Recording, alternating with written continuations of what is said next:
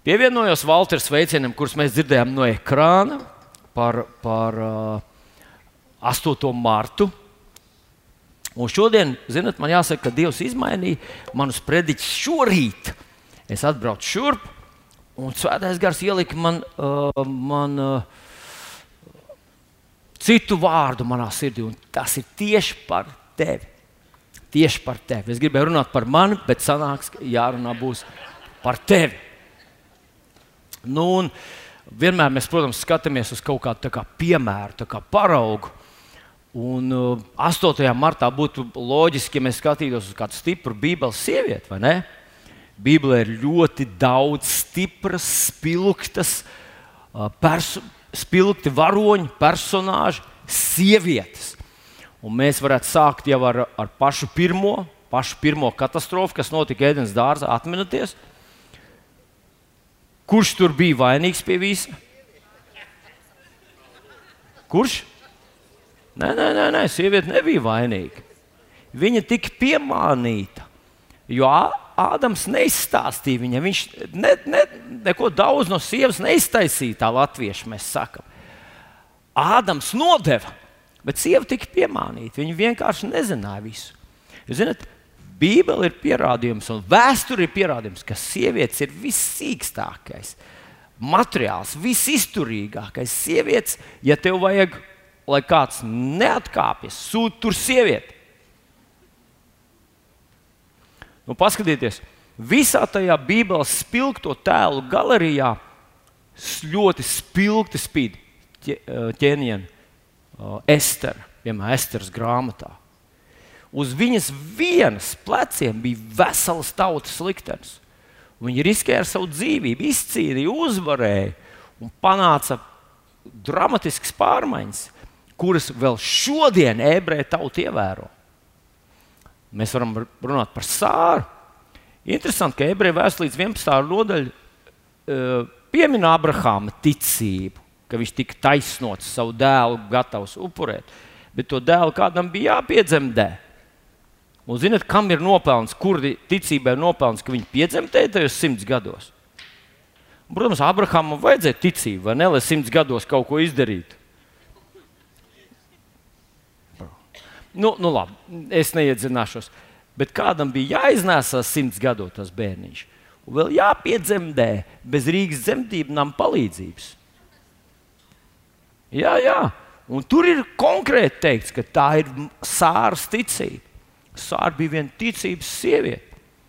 Un tādā ziņā, mīļie draugi, es slavēju Dievu par mūsu draugu daļo dzimumu. 8. martā es vēlreiz jūs visus apsveicu. Un saku, mēs pateicamies par jūsu ticību, par jūsu lūgšanām, par jūsu izturību, sīkstumu, par to, ka sieviete zina, vīrietis var atkāpties, bet sievietei nav kur atkāpties. Mātei nav kur atkāpties. Aiz muguras ir tikai, kā bija tas senais teiciens, ir Maskava. nu, vai aiz muguras ir atkāpties nav kur. Bet, nu, piedodiet man, sievietes, ka 8. martā tomēr mēs to bildīt, paskatīsimies uz vīrieti. Nu, varbūt tas ir mans tālredzības trūkums, bet nu, tā es to ieraudzīju. Tātad šorīt mēs runājam par tevi. Protams, ka es runāšu par kādu Bībeles personāžu. Un mākslinieki mēģinājuši viņu attēlot.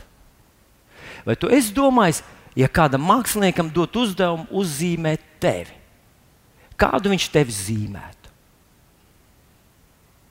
Kur viņš tevi zīmētu?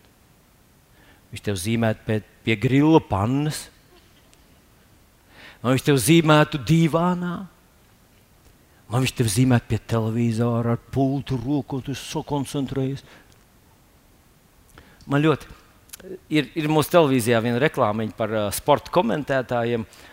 Un tad uh, par kādu sievieti teiks, vai tev tiešām arī šis ir jāskatās? Tas ir īsts sportists, īsts sporta entuziasts. Vai tev tiešām arī šis ir jāskatās? Cik ir tādi sportisti, kas pavada savu sporta karjeru uz dīvāna un piedalās visās sacensībās, visos kausos, visos pasaules posmos? Tu esi iesaistīts. Un sieva saka, vai tev tiešām arī futbols jāspēlē? Kā tevi attēlotu mākslinieks? Kā tu pats sev attēlot? Starp citu, tur ir kaut kāda saikne, kā tu pats sevi redzi.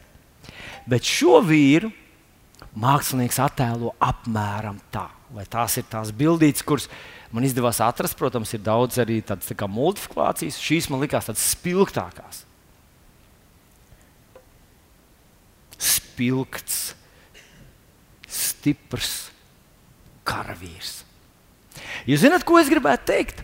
Mana pārliecība ir tāda, ka Dievs mūs visus tādus ir radījis. Kad Viņš radīja mūs pēc sava ģīme un līdzības, Viņš neradīja dažus par krokodīliem, dažus par bizbizmārītēm. Viņš visos mūsos ieliks spēku.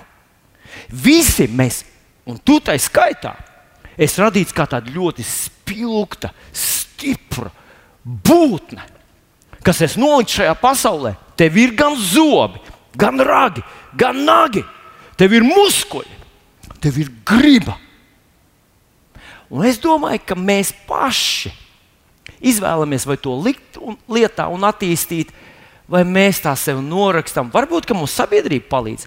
Varbūt mūsu mīļie, tuvie cilvēki mums no mazām dienām jau pota iekšā, nu, ko tad tu, ko tad tu pasēdi, paskaties, tev jau tas nav dots. Bet es domāju, ka Dievs mūs radīja, Viņš visus savai jomai savai sfērai, savai dāvanai, savai misijai, bet radīja stiprus. Šis vīrs nebija Izraēla tautas. Viņš nebija no dieva tautas. Viņam nebija derība ar Dievu. Viņš bija pagāns. Un īstenībā viņš pat bija Izraēla tautas ienaidnieks.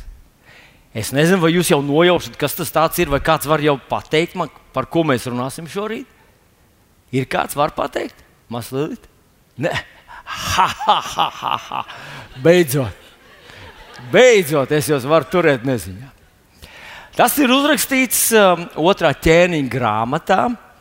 Tas stāsts ir uzrakstīts otrā ķēniņa grāmatā, 5. nodaļā.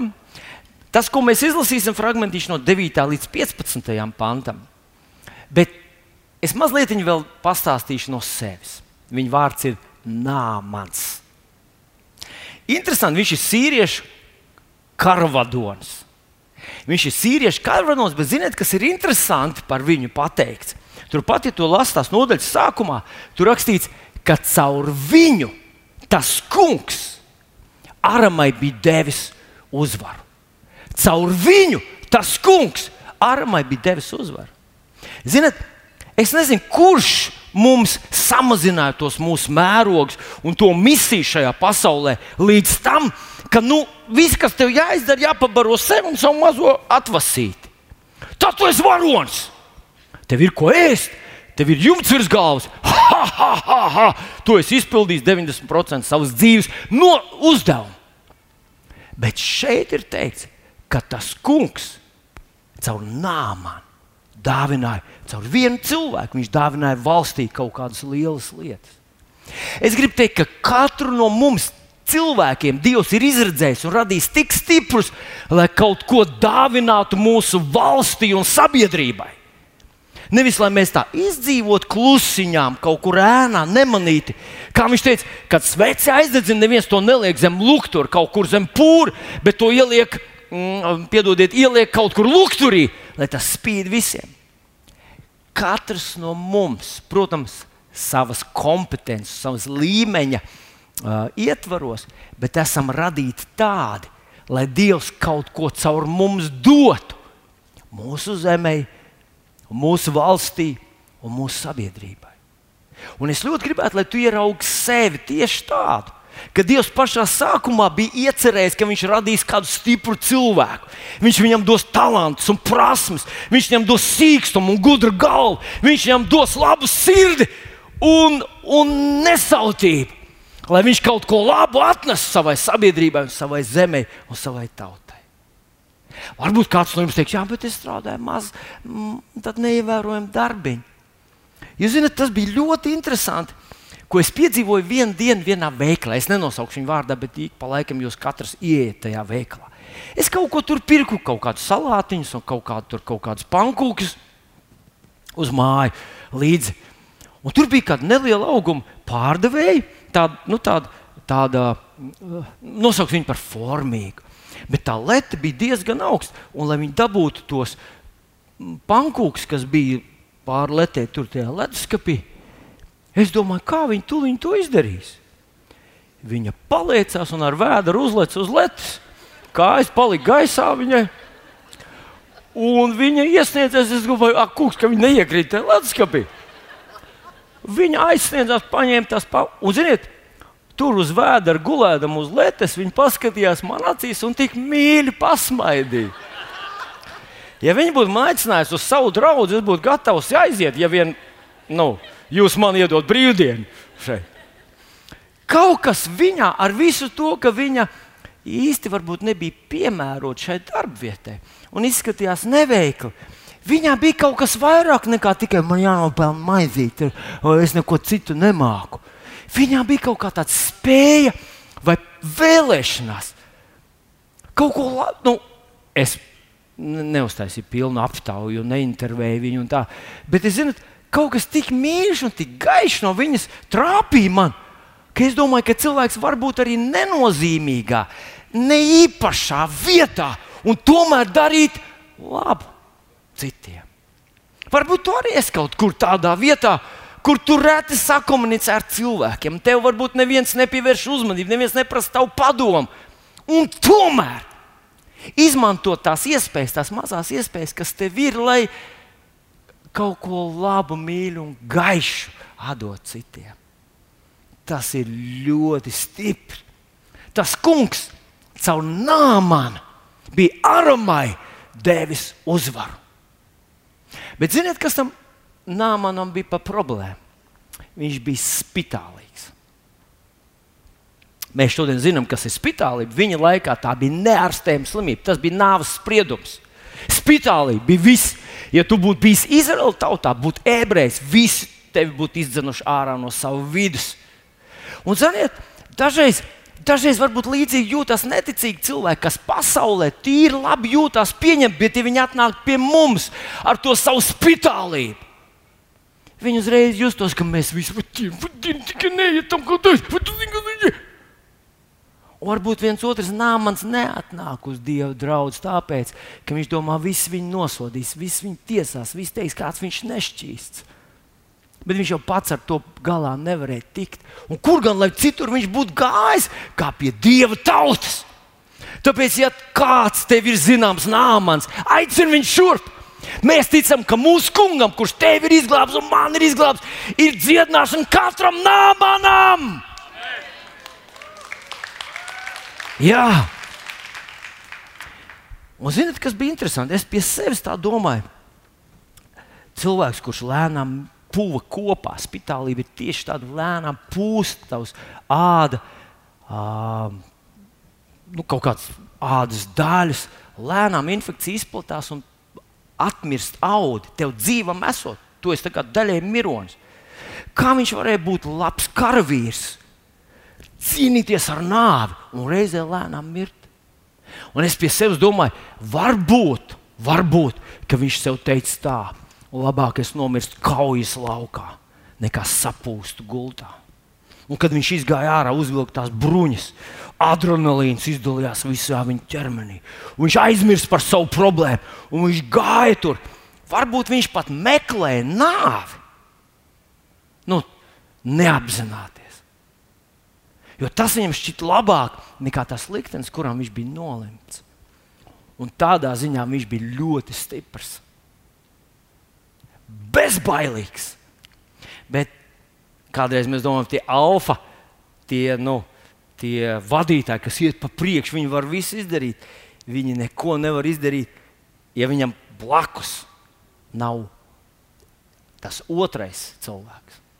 Un es atceros mūsu kalpošanas pirmos gadus, kad es tikko pavisam jauns puisis kļuvu par mācītāju. Ziniet, ma, Es neko daudz nesapratu un nezināju. Es vienkārši sirds man dega. Man dega sirds. Un brīžiem es biju gatavs skriet sienā iekšā, ticībā uz Dievu. Bet man bija ļoti svarīgi, kad es pagriezos, ka man kāds būtu bijis blakus. Un pirmos gadus man bija blakus ļoti kluss un nemanāms puisis. Bet vienmēr, kad es pagriezos, Andris tur stāvēja. Andris Kraševskis. Es tur lai kas varēja, kas varēja notikt. Es pagriezos, blakus bija Andris. Un tas, ziniet, to deva tādu milzīgu, oh, kā lai to pasakā. Tas runā skaļāk nekā, nekā desmit grāmatas. Cilvēks, kurš tev ir blakus, grūtā brīdī neatkāpjas, nešaubas, eh, nenodod, nesāk tevi kritizēt, analizēt, cik tu esi nepilnīgs un tā tālāk. Viņš vienkārši tev ir blakus. Un viņam, acīm redzot, bija blakus tādi vīri, jo savādāk viņš nebūtu varējis kļūt par to, kas viņš ir. Ar to es gribu pateikt, neskumst, ja tu neesi pirmais. Bez tevis vienalga uzvaru aram nevar dabūt. Tev ir tava vieta, tava vieta, tavā ierindā. Un tu zini, cik viņi ir svarīgi. Katram ir svarīgi, lai viņam priekšā būtu kāds līderis un lai viņam blakus būtu uzticams plecs, uzticams vīrs vai uzticama sieva, kas nepadodas, neatkāpjas, kas nav garstāvokļa cilvēks, kas vienkārši zina, mēs esam kaujas laukā, mēs sākam kopā, un aiziesim līdz galam kopā. Un tomēr, tad, kad karš beidzās, Nāmans atnāca mājā, viņš sajūta savu nāri. Tā bija visā viņa mājā. Visur, kur viņš negāja, varbūt viņš pa, viņam pašam riebās savu smaku, kas smird, kad ķermeņa audi sadalās. Varbūt visa viņa ģimene ar to cīnījās, varbūt visi mazgāja pastiprināt, visu laiku centās vēdināt telpas, lai tikai nesmirdētu pēc nāves. Un viņš no vienas puses guva uzvaru savā dzīvē, no otras puses mira. Un tieši tas notiek šodien ar neticīgu cilvēku. Iespējams, izgājis ārā biznesā, viņš varbūt tur iegūst miljonus, varbūt viņš sasniedz nezinu ko, varbūt viņam aplaudē tūkstoši, bet kad viņš atnāk mājās, viņš jūt, ka mirst. Jo nāve ir iekšpusē. Un tāpēc atcerieties, kā bija Nāmana gadījumā. Nāmana gadījumā tur bija viena maza meitenīte, kas pastāstīja viņas sievai, teica, ka tur ir pravietis. Viņš ir dieva pravietis. Viņam ir atbilde, ja Nāmans nonāk pie šī pravieša, viņš tiktu dziedināts. Varbūt viņi to teica vienreiz, divreiz, trīsreiz. Tad, kad viņi izstāstīja to sievai, kad sieva noticēja, jūs zināt, ko sievietes parasti dara? Gudras sievietes. Viņas sāk pilināt. Un es domāju, nā, man sieva sāk viņam pilināt. Zini, tev tur jāaiziet uz turieni. Zini, tev tur, ziniet, kādreiz ir dzirdēts, ka sieva savam vīram iepilina iekšā mājas grupu. Tev vajag iet uz mājas grupu. Tev vajag iet pie tiem citiem vīriešiem, un pirmo reizi nē, viņam nevajag, viņam bailes. Nu, norm, normāli vīrietim aiziet uz nezināmu vīru grupu ir kas? Bailes! Ja nu viņa biceps ir mazāks kā visiem tiem džekiem, ja viņa maciņš ir plānāks kā visiem tiem pāriem, ja nu viņam nav nu, tāds krūts autiņš, ja nu viņš nevar mm, piesēsties ar 150 kg kā vispārējie, ko es tur iešu uz to mājas grupu? Visi domās, ka es esmu dunduks. Kamēr es sēžu mājās, visi domā, ka es esmu agerons vai nē? Vai nē? Jā, bet viņi lēnītēm pilināja, pilināja, pilināja viņam. Un vienā dienā viņš bija gatavs. Viņš dosies uz turieni. Viņš ies. Viņš aiziet pie sava ķēniņa, un tas viņam uz, uzraksta vēstuli, un viņš dodas. Karavadons, kurš bija karojis izrēliešiem, kurš bija sirojis pa Izraels laukiem, kurš bija nogalinājis ebreju vīriešu, kurš bija nolaupījis izrēliešu bērnus, dodas ne, neapbruņots, dodas pie Izraels ķēniņa. Viņš aiziet tur, atnes to vēstuli un saka, un tur vēstulē rakstīts, tad, kad mans kalps pie tevis atnāks, dziedini viņu. Izraels ķēniņš dab, dabīgi domā, ko? Sākās trešais pasaules karš. Tā, tā sākās karš. It kā kaut kādu iemeslu dēļ vienkārši viņi piesaka karu un viņi grasās ar mums karot. Un tad pravietis saka, hei, ko tu tur ņemies? Atsūti viņu pie manis. Un nāmans brauc. Un te mēs palasīsim. Tā tad Es lasu otrā ķēniņa grāmatu, 5. nodaļa, es lasu no 9. Uh, panta. Un tā Nāmans ar saviem zirgiem, saviem ratiem atbrauca un apstājās Elīzes durvju priekšā. Tad Elīze sūtīja vēstnes un lika tam pateikt: Ej, un mazgāj septiņas reizes Jordānā, tad tava miesa kļūs atkal vesela un tu būsi šķīsts. Es iedomājos, ko tas nozīmē šodien, kur, kur tev aizsūtīt mazgāties. Nu, labi, jūs neviens nezināt to upīti ir tāda maza, maza strāzdupīte, kur juglā tur tecēja. Kādreiz to sauc par mēslu grāvi, kādreiz izrādījās, ka tā ir strāzdupīte. Viņu vajag iztīrīt. Jardāna esot bijusi duļķaina tajā laikā. Duļķaina un tāda nevisai nekopta, nekā. Vienkārši tāda necila upelīte, upīte. Ej un mazgājies septiņas reizes Jordānā, tad tev miesa kļūs atkal vesela un tu būsi šķīsts Un Nāmans sadusmojās. Viņš aizgāja un sacīja, redzi, un paklausieties, cik loģiski ir Nāmana doma. Es domāju, mēs visi kaut ko domājam, un ļoti loģiski domājam. Vai ne? Mēs domājam, kā tam visam jābūt. Vai nav tā, tu nāc uz dievkalpojumu un domā, kā visam ir jābūt? Pareizi! Kurš vislabāk zina, kas mācītājiem ir jādara? Tas, kurš nekad nav bijis mācītājs, pareizi. Jūs taču visi zinat, ko man vajadzētu darīt, vai ne? Jā, un kādreiz tu piesāc atkal, viņš nedara tā, kā vajag. Jā.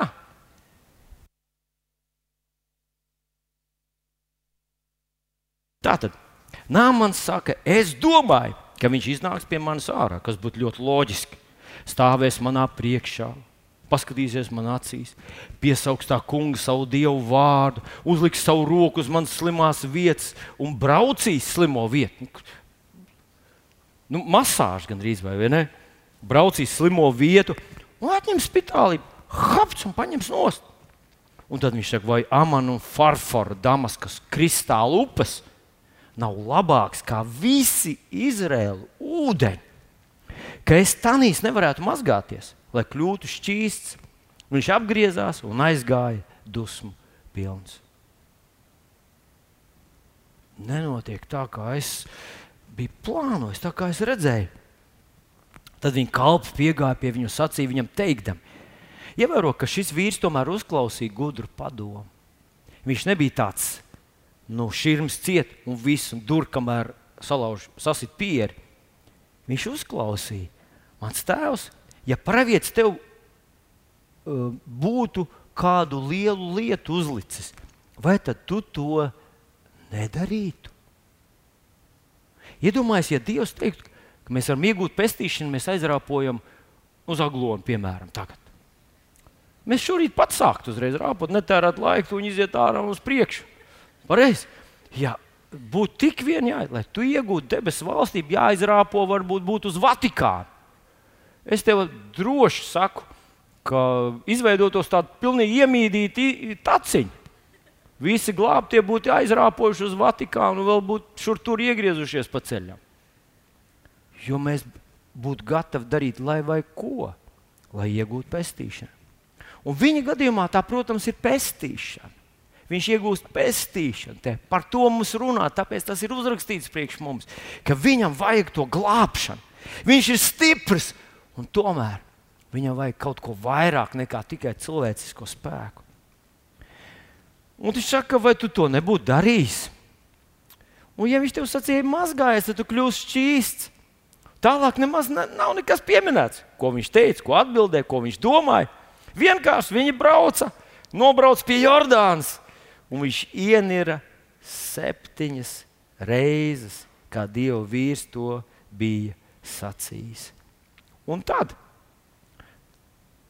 Ievērot, interesanti, ka nav rakstīts, pēc pirmās reizes varēja just, ka kaut kas notiek. Pēc otrās reizes sākās eritrēma un sāka niezēt visas tas pasākums. Pēc trešās reizes jau uh, viss tie nu, matiņi izkrita ārā, vai otrādi sāka augt matiņi un kaut kas tur sāk jau notikt. Pēc ceturtās reizes gandrīz jau bija vesels, bet nē, vajadzēja vēl nostiprinātu to. Es domāju, ka tad nāmans būtu 14 reizes ja katru reizi būtu kaut ko, viņš būtu līdz visai savai armijai, nu, to darīt. Bet bija pateikts septiņas reizes, un rakstīts tikai pēc septītās reizes viņa dzīvē izmainījās viss. pēkšņi viņa miesa uh, kļuva kā maza bērna. Es teikšu, tā kā mēs sakām Latvijā, kā maza bērna dupsis. Ah, nāmans! Ah, ah, vai kur man vēl bija? Hei, panāc šurp! Paskaties uz muguras, viss labi! Jā, kā maza bērna dupsis! Un paskaties zemāk! Jā, vairs nav tā kā bija! Tagad ir pavisam savādāk! Ah, nā, mans! Vairs nebrauc mājā, viņam vairs nekur nav jāsteidzas. Viņš vairs neskrien uz mājām. Nu, kā parasti, kad dievkalpojums beidzas, uz kurien? Uz mājām! Kas tur mājā būs? Nu, nekas, nu, bet mājās. Mājās vislabāk, vai ne? Nu, viņš vairs neskrien, viņš iet atpakaļ pie pravieša. Un tad viņš saka, viņš grib viņam dāvināt, viņš ir paņēmis liels bagātības līdzi, viņam neko nedēļ. Viņa... Un tad viņš saka, nu, ja tu neļauj man neko dāvināt, samaksāt, tad ļauj man paņemt zemi līdzi. Jo turpmāk es pielūgšu tikai Izraēlu Dievu, jo viņš ir vienīgais un dzīvais Dievs. Mūsdienu terminoloģijā mēs teiktu, viņš atgriezās pie Jēzus, viņš pieņēma Jēzu par savu kungu. Bet ziniet, kas ir interesanti? Man šķiet to svarīgi piezīmēt, ka viņš ne, nekļuva par dzinieku. Bijušais karavīrs, nē, man saņēma dziedināšanu, nu viņš ir dzinieks. Nu, viņš raksta tādas odes par, par puķiem, par mākoņiem. Viņš vēl aizvien palika karavīrs. Viņš vēl aizvien nesāja zobenu, viņš vēl aizvien cīnījās savus karus. Un ziniet, ko man tas liek uh, nu, saprast? Hei, mēs ar jums, kristieši, nesam nu, tādi bizbizmārītis. Tas, ka mēs esam avis, nozīmē, ka mēs vispār turamies kopā un ka mēs uzticamies savam ganam. Bet mums nav izlausti zobi, vēlnam ir izlausti zobi. Mums nav atņemti mūsu ieroči, mums ir iedoti ieroči. Mēs esam kļuvuši vēl stiprāki tajā vietā un tajā aicinājumā, kurā Dievs mūs ir nolicis. Un kā mēs varētu to paturēt prātā? Hei, ka mēs neesam pasaulē atstāti tādā mazā aitu kā kažociņā. Mēs vēl aizvien esam dzimuši pēc tā ģīmija un līdzības, kurš sevi sauc par lauvu no jūdas cilts. Mēs necīnāmies miesīgi. Protams, jo ne jau cilvēkos ir mūsu pretinieks. Mūsu pretinieks ir vēlns, mūsu pretinieks ir situācijas, apstākļi, kuros mēs esam. Un visos tajos Dievs ir paredzējis, ka mēs ar tevi uzvaram. Un ar to es gribu teikt, mīļais draugs, mīļais brāl, māsa. Dievs vēl aizvien tevi redz kā lauvu no jūda, tur, kur tu esi. Un, zinot, es, es savā, savā oficiālā man ir tāda, tāda uh, papīrs pie sienas, kur es šādi uzrakstu kaut ko. Un tad es uzrakstīju vienu dienu tādu ļoti, ļoti svarīgu domu. Un tā doma ir tāda, ka tu vari uzvarēt tikai to, ar ko tu cīnies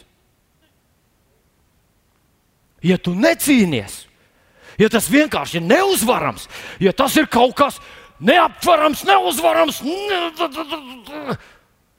nu, tad to nevar uzvarēt. Bet, ja tu ar kaut ko cīnies, tad tu esi šāds nāmans, kurš tagad ir dziedināts nāmans. Tu esi nāmans, kurš ir svētīts nāmans.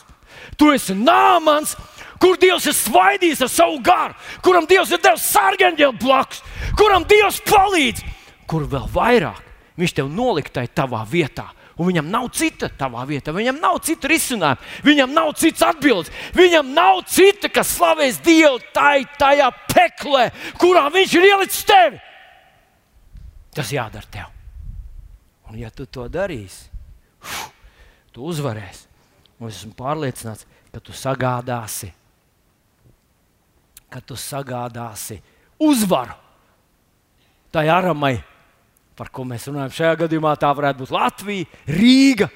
Tā var būt tava pilsēta, varbūt tā ir kāda mazāka pilsēta. Varbūt sāc ar savu ģimeni, sagādās uzvaru savai ģimenei, pēc tam paplašinātai ģimenei, un pēc tam savam ciemam, savai ielai, savai, mm, savai mājai, savai ielai un tā tālāk. Mēs ar tevi esam nolikti Latvijā, lai mēs svētītu nevis izdzīvot. Un, mīļie draugi, es saskatīju trīs vienkāršus soļus, kurus Naimans izgāja cauri. Tas pirmais, viņam vajadzēja saņemt vārdu. Otrais, viņam vajadzēja paklausīt. Un trešā lieta, viņam vajadzēja izturēt. Un es gribu teikt, ka tieši tāpat katram no mums ir jāiziet visām šīm trīs stadijām cauri, un tikai tad mēs varam ieraudzīt savā dzīvē uzvaru. Un ļaujiet man drusku ātri jūs izvest cauri visām šīm trim lietām. Tātad pirmā. Viņam vajadzēs saņemt no pravieša vārdu. Nevis palaist to grausīm garām, nevis to vienkārši nu, kaut kā uh, aizsūtīt kādu vēstnesi, aiziet paklausīties, ko viņš tur saka, un atnāc man pasakot. Viņam vajadzēja pašam to sadzirdēt. Viņš to dzirdēja no savas sievas jau, un viņš to dzirdēja no pravieša. Un viņš to vēlreiz sadzirdēja, kad viņa kalps viņam atgādināja, paklausies, izdara to, tas taču nav nekas sarežģīts. Un man tas atgādina pirmo psalmu, kur mēs lasām no 1 līdz 3 pantam. Tātad pirmais psalms no 1 līdz 3. Lūdzu, paklausies, kas tur ir rakstīts. Svētīgs tas cilvēks. Un tad ir tāda neliela atsaucība, ko viņš nedara, kas neseko bezdīvīgo padomam, ne staigā grēcinieku ceļus, ne arī sēž paļātāju pulkā. Šīs ir trīs lietas, ko tu negribi darīt.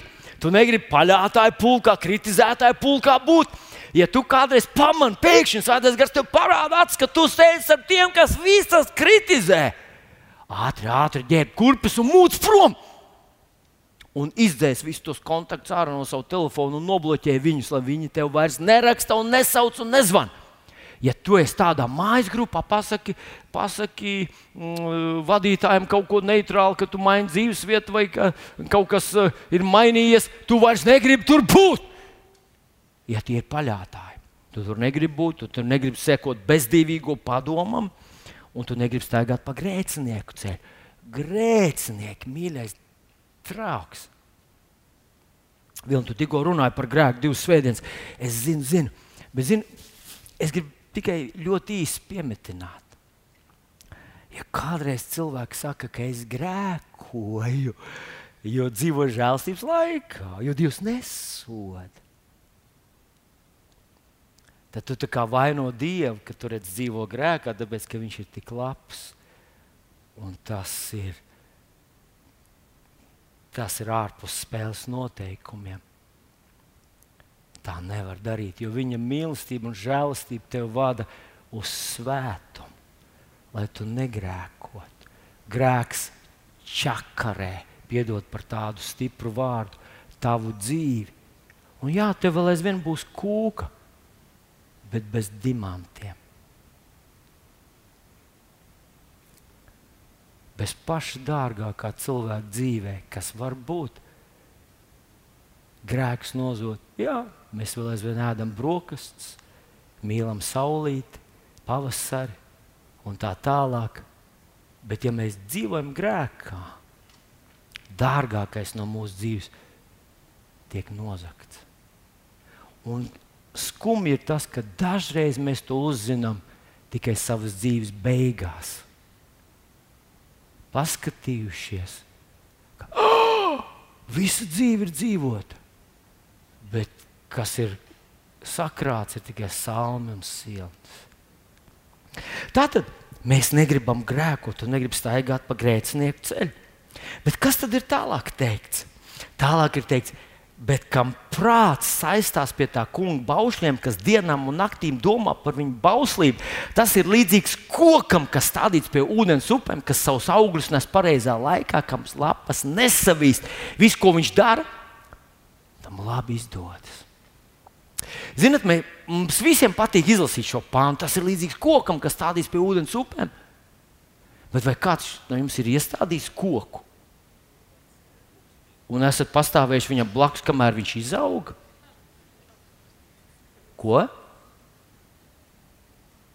Jūs zināt, man vienmēr liekas, ka koku stādīšana tas ir bezjēdzīgs pasākums, jo kādu tu viņu iestādi, tāds pats viņš ir pēc desmit gadiem. Bet tā tas nav. Dažreiz, kad mēs paši uh, novērojam tās izmaiņas, kas notiek pie mums, mums liekas, ka tās ir tik nenormāli lēnas. Mēs gribam būt piepūšamie matrači, mēs gribam būt piepūšamās pilsētas, bet mēs negribam būt koki. Koks, ak, Dievs! Jūs zināt, Es varētu nosaukt vārdu, bet mūsu draudzē ir viena ģimene, kas sastādīja tādu, tādas mazas tūjiņas uz robežas starp savu īpašumu un kaimiņu īpašumu. Tas mazs, tā kā tāds, nu, kā tāds mazs slotiņš. Domāju, nu, tā simboliski, protams, to robežu var redzēt. Tā, ja, ja, ja tu pļauj zāli, o, o, stop, stop, stop, re, kur jau koki sākās. Bet pagāja gads, divi, trīs. Un es aizbraucu, tagad skatos, tās tūjas ir šitās saņēmušas. Tādas plašas. Tu vairs viņu nevari nopļaut ar zāles pļāvēju. Tas sākās kā maziņš, bet aug lielāks un lielāks un lielāks. Un ziniet, kur mēs dažreiz zaudējam kristieši? Mēs sagaidām lielas lietas no Dieva valstības. Un Marka evanģēlijā 4. nodaļā mēs lasām, ka Dieva valstība ir līdzīga cilvēkam, kurš iesteiz sēklu savā tīru sinapsēklu, kas ir vismazākā sēkliņa. Un tad paiet gads, divi, trīs, un mēs gaidām, kur ir. Bet tu jau iestādīji koku. Tu jau negribēji balonu, pareizi. Kristiešu balons. Pusgadā tu jau esi pāri visiem. Tu jau, kādu nu tik vajag nogriezt to aukliņu? Tu aizlido projām. Tā kā tās pārmaiņas ir tik stabilas, tik nopietnas, tās ir kaut kas tāds, kas tā iesakņos un tā aug, ka beigu beigās tur vajag zāģi, lai nozāģētu to, lai tiktu vaļā no tā koka. Tas kļūst tavā dvēselē par tādu stabu, tādu atbalstu.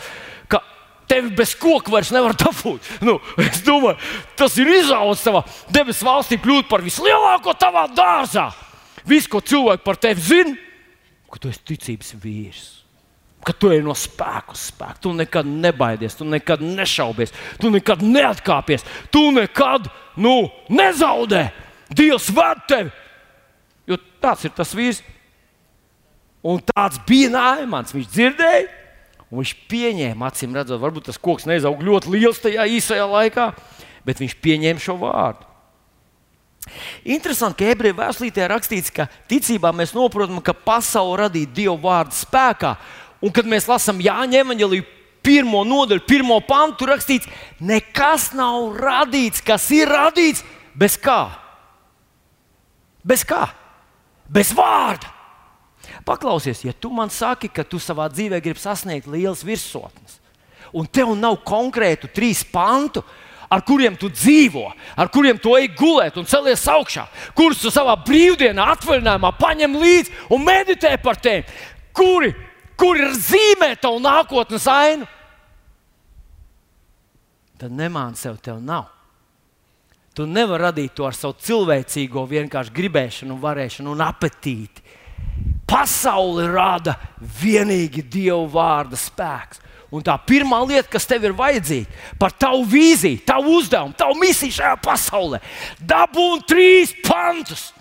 Kur dabūt? No Dieva dabūt. Sagaidi no viņa, viņš te uzrunā.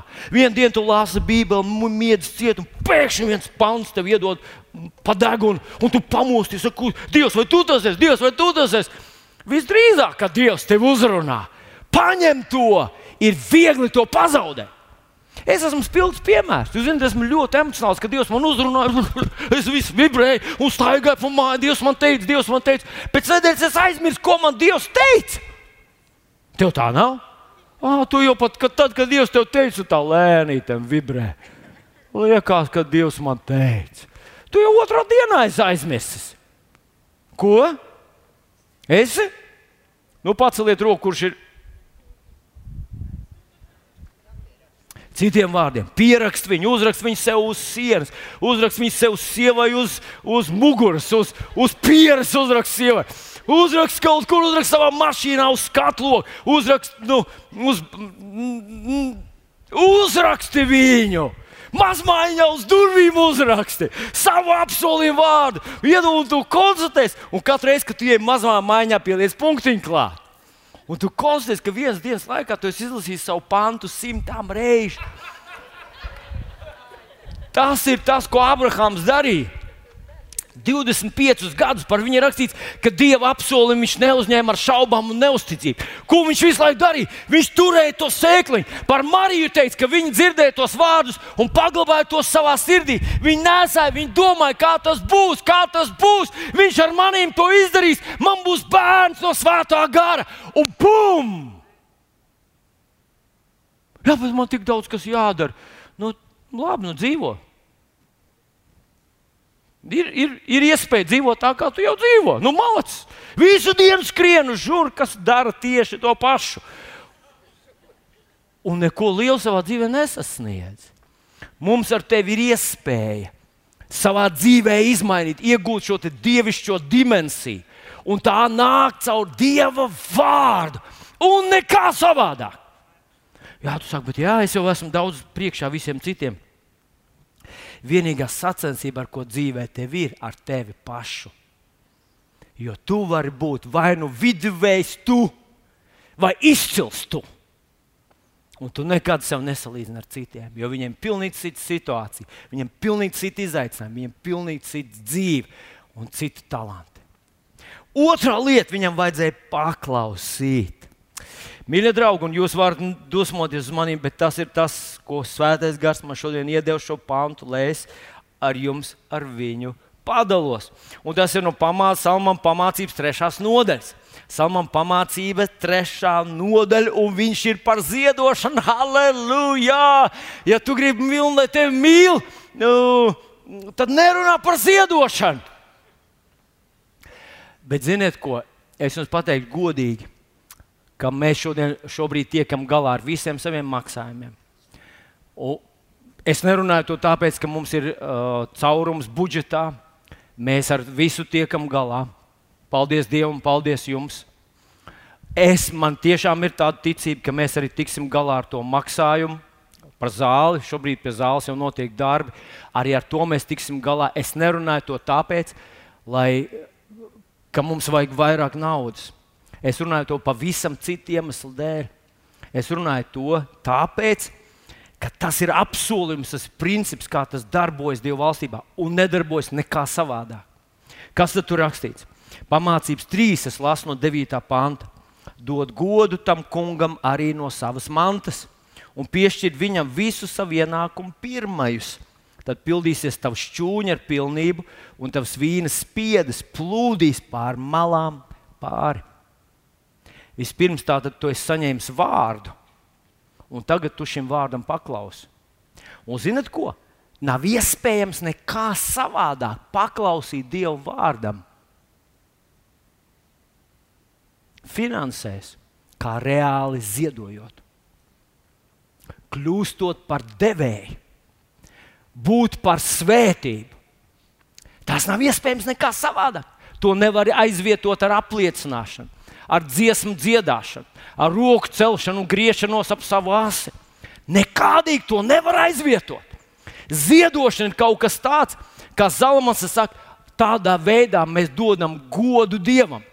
Tas nozīmē, ka ja es nezodu, un viņš runā par pirmajiem, tie ir desmitais. Tas nozīmē, ka tu vari runāt skaisti, dziedāt vēl skaistāk. Tu vari būt pat ļoti stabils un sistemātisks dievkalpojuma apmeklētājs. Bet, ja tu nedod desmito ticībā uz tā kunga žēlastību, ticībā uz svētību. Ja tu viņam nedod desmito kā zīmi tam, ka viņš ir visu tavu panākumu avots, tad tavu vārdu nav bez seguma. Un tas nedarbojas. Ja es nedodu desmito, bet es ticu, ka Dievs man svētīs, tad es vienkārši nedarbinu šo Dieva garīgo principu. Viņš nedarbojas savādāk dod godu tam kungam, tad pildīsies tavs šķūņi ar pilnību, un tavs vīnas spiedis plūdīs pār malām pāri. Interesanti, Galatiešu vēstulītē, 6. nodaļā, ir kāds ļoti interesants pāns. Un uh, tie, kas ir pētnieki, saka, ka tur ir tāda interesanta korekcija. Paklausieties, nepievilieties, Dievs neļauj apsmieties. Un tālāk teiks, ko cilvēks sēž, tad tur īstenībā esot teikts, tikai to viņš arī pļaus. Ja mēs ar tevi nesējam, Mēs nesējam Dievu debesu valstībā. Kad tu sadzirdi, ka Svētais Gars uzrunā tevi par kaut ko, tā ir tava lielā iespēja. Dievs negrib tevi padarīt nabagāku. Viņš grib tev dot iespēju iesēt. Atceries, viņš teica, um, jo, um, viņš teica, plūdi bija kam? No, viņš teica, nemitēsies sēšanu un pļaušanu, vasaru un ziemu Tas nedarbojas vienkārši tāpat, ka tu saki, halleluja, es esmu, jā, halleluja, es esmu Dieva bērns. Ir Dieva principi, kā tas darbojas. Un viņš saka, tas darbojas tad, kad tu sēji, tu arī nopļaus. Tu sēji, tu sēji uz svētību, tu sēji ticībā. Šorīt Normons mums palīdzēja izdarīt sēšanu. Es iesēju, es iesēju pamatīgi, jo es priecājos, es zinu, Viņš man deva vārdu, un tas vārds ir un bagātība un gods nāk. Un es uz šī vārda pamatu sēju. Es sēju vairāk kā desmito. Es nevaru precīzi pateikt, bet es sēju divi, varbūt nav, bet divi desmitie nav, bet uh, iespējams, ka tuvu tam. Un tas nedarbojas savādāk. Tu varbūt teiksi, Vilni, bet zini, ja tu zinātu, kāda mums ir situācija, mēs esam ļoti grūtā vietā. Es zinu, ka tu vari būt ļoti grūtā vietā. Un varbūt, ka tavs desmitais ir maziņš, bet desmitais ir desmitais. Miljonārs dod desmito, un viņš nav iedevis vairāk, kā tu savā grūtajā situācijā ar savu mazo desmito. Ja tu to dod, tu dod godu Dievam, un tu atver šīs durvis, pa kurām Dievs var tevi svētīt. Es ticu, viņš dod idejas, viņš dod uh, variants, viņš dod spēku, izturību. Viņš dod visas citas lietas, jo ko cilvēks sēž, to viņš arī pļauj. Un pēdējā lietiņa, kad Nāmans saņēma vārdu, viņš paklausīja, viņš devās uz tiem jardāns duļķainiem ūdeņiem, viņam vajadzēja izturību. Izturību. Bez izturības neviens dieva vīrs nav saņēmis savu atbildību. Neviens! Tas fiksais, eksperimentētais, kas atnāk un ātri, ātri, ātri rezultātu. Tas var tikai dabūt ticības balonu, bet ticības koku var dabūt tikai ar izturību. Tātad tu saņēmi vārdu, tu paklausīji, un tad tu paliksi šajā ticībā uh, ilgi. Cik ilgi? Cik vien vajag. Abrahams gaidīja savu dēlu 25 gadus. Dāvids ilgi tika vajāts, kad bija svaidīts par ķēniņu. Viņu gribēja nogalināt. Vesela armija viņu vajāja, meklēja. Viņš bija izsludināts kā persona non grata ārpus likuma. Katrs varēja viņu nogalināt bet viņš izturēja, viņš aizgāja līdz galam. Visiem vajadzēja izturību, tādu vajadzēja mūzam, tādu vajadzēja jēzum. Un paklausieties, kas rakstīts ebreju vēstulītē, 10. nodaļa, 35. pāns. Neatmetiet savu cerības drosmi, tai ir liela alga, jo jums vajag pacietības. Lai Dievu prātu darījuši, iemantot apsolījumus, piedodiet. Uh, un Jēkab 1, 2, 4. Turiet man, brāļi, to par lielu prieku, ka krītat dažādos pārbaudījumos. Zinām, ka jūsu ticības pārbaudīšana rada izturību, bet izturība, parādās darbā līdz galam. Jēzus vārdā. Aleluja! Mīļais, mans brāl un māsa, šodien mēs runājam par tevi. Dievs tevi ir nolicis šajā pasaulē, lai kaut ko caur tevi atnestu. Un viņš, viņš tevi radīs stipru, sīkstu. Tu neesi bizmārīts, tu esi Tu esi līdzīgs tam, kurš ir launa jūtas. Tu esi stiprs cilvēks, talantīgs cilvēks. Un Dievs ir novērsis no tevis visu, visu lāsta sekas. Atņēmis visam ienaidniekam kaut kādas iespējas tevi bombardēt. Bombardēt viņš var, bet viņam nav spēka tevi sakaut, ja vien tu nepadodies viņam. Un ja tu ar viņu cīnies, tu uzvarēsi. Bet tev vajag pieņemt viņa vārdu, paklausīt viņam paklausīt. Tas dažreiz ir grūti paklausīt, jo mēs domājam, ka jābūt savādāk, kaut kā, kaut kā loģiskāk jābūt. Nu, bet es domāju, nā, man saka, es domāju, viņš iznāks. Tas ļoti loģiski. Viņš apskatīsies, ko viņš tur dzied, un kā viņš, viņš tur iekšā būdā sēdēdams, neko neredz. Bet tas ir Dieva vārds, un tu uzticies tam, un tu paliec tajā līdz galam.